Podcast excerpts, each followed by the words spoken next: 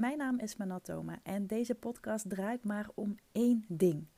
Hoe word jij online opgemerkt met jouw kennis en expertise? Zonder trucjes en poespas, maar door gebruik te maken van het meest simpele en krachtige wapen wat er maar bestaat: positionering en personal branding. Hey, goedemorgen, goedemiddag of goede avond, afhankelijk van uh, het tijdstip wat je luistert. Ik, je hoort het waarschijnlijk al, ik loop weer uh, buiten met, uh, met mijn vriendin, met Okkie. En um, ik ga toch weer even van de gelegenheid gebruik maken om al wandelend een podcast op te nemen. Ik heb er laatste eentje gedaan en dat ging op zich prima. En nou, normaal ben ik wel voorstander van om gewoon echt te gaan wandelen. Soms luister ik zelf een podcast. Maar ja, soms heb je dat. Hè? Dan heb je inspiratie en dan, uh, dan weet ik ook van mezelf. Dan moet ik gewoon uh, snel handelen, snel schakelen. En dan moet ik het gewoon uh, ja, op die record knop drukken. Ik heb vanochtend een berichtje geschreven of getypt, post gemaakt op LinkedIn. En ik heb hem later na ook Instagram gezet.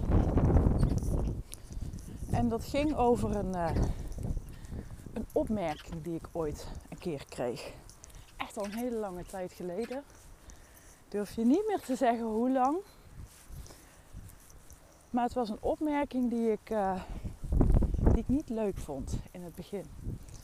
Maar die me daarna wel echt uh, eigenlijk heel veel heeft geholpen en eigenlijk ook heel erg. Uh, ja, het, het, was echt een soort puzzelstukje wat, uh, puzzelstukjes wat op zijn plek uh, vielen.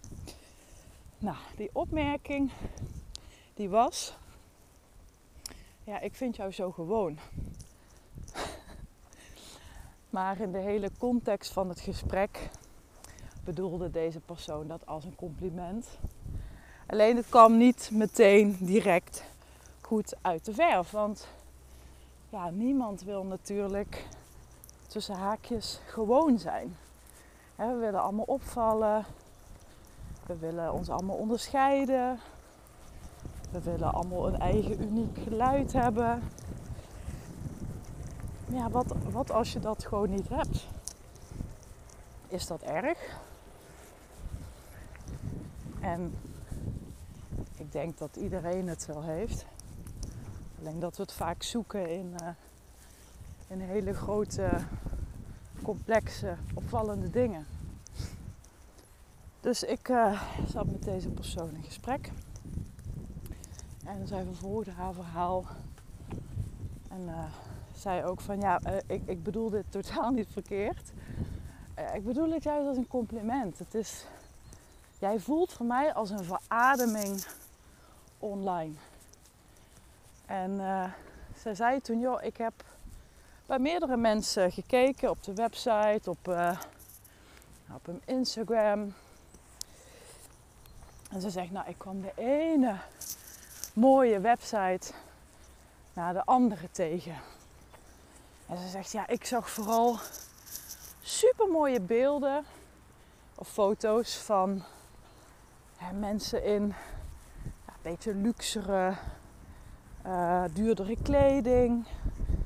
Uh, heel veel zwart, wit, beige tinten. Echt een beetje dat, ja, dat luxere high-end gevoel. En ook met hele zwierige lettertypes. En uh, teksten als next level gaan. En pak je leiderschap. En word de nummer 1 in je markt. En ze zegt, ja, op een gegeven moment had ik er zes gezien. En, en, en ik kon letterlijk het verschil niet uh, snappen, niet zien, niet voelen tussen die zes. Het was gewoon veel van hetzelfde. Het waren gewoon ja, klonen en haast kopieën van elkaar.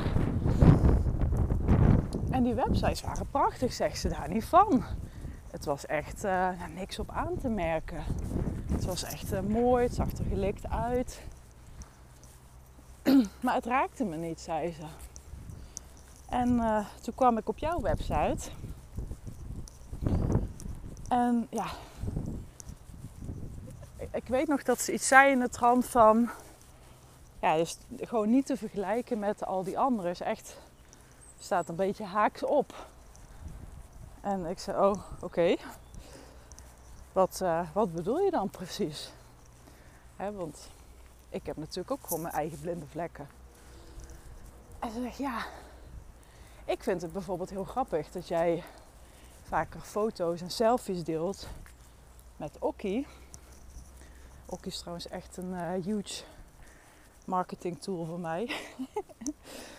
maar goed, um, ze zei ja, foto's van jou en Okkie. En dan sta je met een t-shirtje van uh, Jurassic Park op de foto. En, en ze zegt ook de dingen die je schrijft, die je benoemt, die je deelt.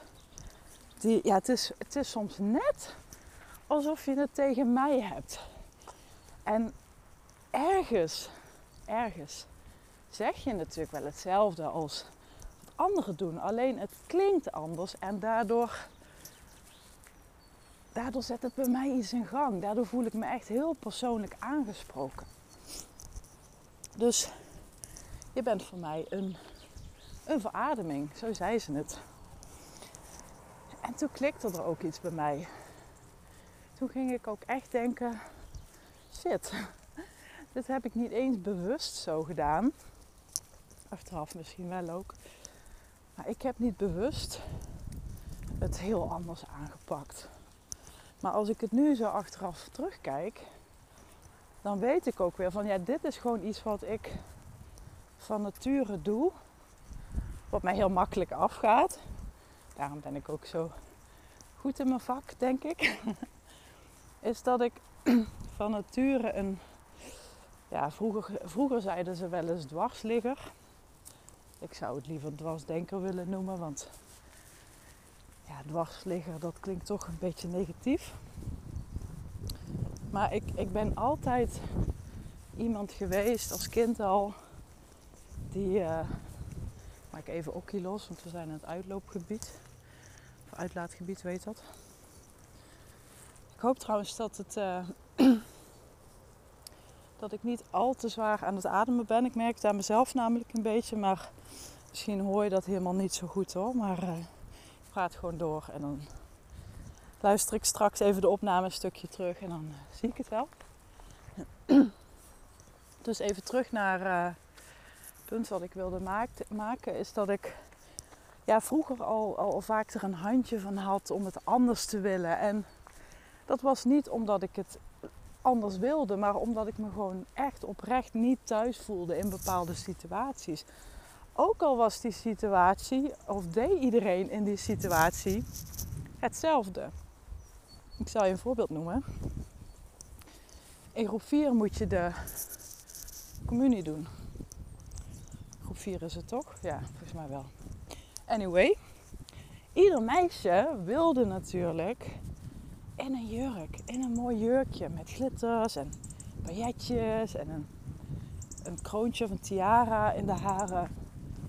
En ik dacht alleen maar, oh de hel, ik wil echt geen jurkje aan. Ik was toen echt zo'n kind die, ehm, ik denk als ik in deze tijd geboren was, dat mensen misschien wel, mijn ouders hadden gedacht van nou, die wil misschien straks uh, een geslachtsverandering of zo. Nou, dat is nooit het geval geweest. Maar ik was wel een stoere chick. Ik deed uh, hutten bouwen. Ik had een BMX uh, crossfiets. Het was echt de vetste van, van het hele dorp. Het was blauw met gele banden en een heel breed stuur. Ik weet het nog zo goed. En daar voelde ik me gewoon heel erg thuis en dat vond ik leuk. Barbies en poppen. Ja, ik heb zoals in mijn handen gehad, maar ja, ik deed er niet veel mee. Ik heb er op een verjaardag, op een feestje ooit twee gekregen.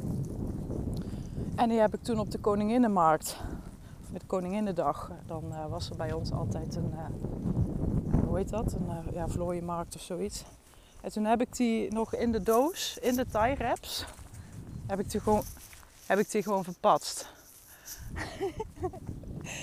dus ik had er niks mee gedaan. Nou, om even aan te geven hoe ik ja, hoe ik gewoon van nature in elkaar steek. Dus het is niet zozeer dat ik, doordat ik geen jurkje wilde dragen, maar een broekpakje wilde. Dat deed ik niet per se om dwars te liggen. Maar meer omdat ik me niet prettig voelde om mee te gaan met wat anderen deden. En eigenlijk is dat best wel een. Uh, ja, klinkt best wel tegenstrijdig natuurlijk. Want mensen voelen zich natuurlijk vaak wel meer op hun gemak als ze niet heel erg opvallen. En achteraf, als ik dan zo terugkijk, dan denk ik van, goh, eigenlijk was ik toen best wel een, ja, een lefgozertje. en ik denk dat ik dat gewoon als een soort van, ja, iets wat me drijft, iets wat me stuurt, dat ik dat nog steeds in me heb. En dat ik dat ook nu in mijn bedrijf, in mijn ondernemerschap nog steeds um, ja, leef en, uitadem en uitstraal. Dus het hele punt van deze podcast is eigenlijk, je hebt zoveel unieke kwaliteiten en capaciteiten. En je hebt je eigen mooie kenmerken. Word alsjeblieft geen kloon van een ander. Maar ga juist uitvergroten en uitlichten ja, wat jou jou maakt. Meer hoef je feitelijk niet te doen. En het hele onderscheiden verhaal, ja, dat is natuurlijk wel best wel een, uh, ja, een tricky onderwerp. Hè? Want er komen steeds meer ZZP'ers bij, steeds meer ondernemers bij. Ik denk zeker ook door de pandemie dat er heel veel bedrijven zijn omgevallen. Zijn misschien ook wel heel veel mensen noodgedwongen het ondernemerschap ingerold. En um, ik, ik, denk dat dat, dat dat wel een signaal is dat je ja, steeds meer concurrenten krijgt. En met concurrenten is aan zich niets mis. Maar het, het, het, wordt je daardoor soms wel lastiger gemaakt. En als je geen concurrenten hebt, dan heb je misschien wel copycats. Dus mensen die gewoon denken van, oh, hey, ik zie dat het werkt. Laat ik dat ook eens uh, gaan doen. En het is super irritant en dan moet je natuurlijk boven staan. Ik ben met Okkie nu in de, in de, wat wij de vallei noemen. dat is een soort... Uh, ja, bosgebied voordat we het grote bos inlopen met, met heuvels en omgevallen boomstammen. Dat is een soort speelplek voor haar. Dus ik ga even met wat stokken gooien. Oké, kijk eens. En wat ik bedoel te zeggen is dat het daardoor voor een buitenstaander niet duidelijk is wie dan ja, de initiatiefnemer is geweest, wie de echte visionair is geweest. Dus alleen al om die reden is jezelf weten te onderscheiden wel. Ja, ik vind dat wel cruciaal. Maar dat hele onderscheiden, dat, dat maken we vaak ook super complex en super moeilijk. En ja, dat, dat, dat maken we vaak heel groot in ons hoofd. Terwijl als je het doet zoals ik het doe, dan wordt het eigenlijk een stuk makkelijker. Want wat je kan doen is letterlijk wat ik heb gedaan, kijkende naar die zes websites die die vrouw schetste. En in jouw geval heb je er waarschijnlijk ook. En dan gewoon het compleet tegenovergestelde doen. er is echt geen makkelijkere manier en snellere manier om je te positioneren. Want positioneren is natuurlijk, ja, ik, ik zeg dit regelmatig, het is een beetje zo'n allegaartje geworden. Iedereen doet wel wat met positioneren, maar 90% weet niet eens waar het over gaat. Ik ben nu in een stokgevecht met Okkie. ze hangt aan de stok. En wat ik zie is dat ze vaak amper weten waar het om draait. Maar als ik je dan één, één tip mag geven, één strategie, dan is het ja, durf gewoon haaks te staan op wat anderen zeggen, op wat anderen doen. Want als je de heilige communie doet en je wilt in dat clubje opvallen, niet dat dat mijn intentie destijds was, maar goed, om, om even het voorbeeld te schetsen. Doe een broekpak aan in plaats van een jurkje. Ga op een BMX-fiets rondrijden in plaats van met je Barbies rond te, uh, rond te lopen. Er is geen simpelere manier dan, dan deze. En ik zweer het je, als je dit vanaf vandaag gaat doen, ja, dan haal je misschien binnen een dag of binnen een week of binnen een paar dagen misschien wel klanten binnen. Gaat je omzet misschien wel drie keer door het dak deze maand. Wie, zal het zeggen? Ik zou zeggen, ga dit uitproberen. En ehm, laat het me vooral ook weten hoe je dit aanpakt. En hoe jij haaks kunt staan op, op ja, dat wat je online ziet, wat je online hoort in jouw specifiek branchegebied. En om even af te sluiten en om even samen te vatten hoe dit gesprek met mij afliep. Nou, ik heb het dus achteraf als een, een bevestiging eigenlijk gezien van iets wat ik gewoon van nature deed. En ik kan dit bij andere mensen vaak heel snel pinpointen, maar ja, bij jezelf is dat dus toch een stuk lastiger. En ik deed het dus van nature al door ja, letterlijk meer neonachtige kleuren te gebruiken op mijn website. En nou ja, op de foto te gaan in een Jurassic Park uh, shirtje in plaats van in een glitterjurkje en een glas champagne in mijn knuisjes. Waar, overigens niks mis mee is hoor. Maar ik deed dat dus gewoon van mezelf al. Maar achteraf, achteraf realiseer ik me nu, ook dankzij dat gesprek, dat dat, dat misschien heel gewoon overkomt op een ander. Het is niet glitter en glamour, maar dat is wel wat, wie ik ben en, en waardoor ik juist opval. En nu denk ik van, ja, ik ben misschien inderdaad gewoon geen, ja, geen luxe poes, geen, ja, dat lieg ik. Dat, ik kan luxe wel degelijk waarderen.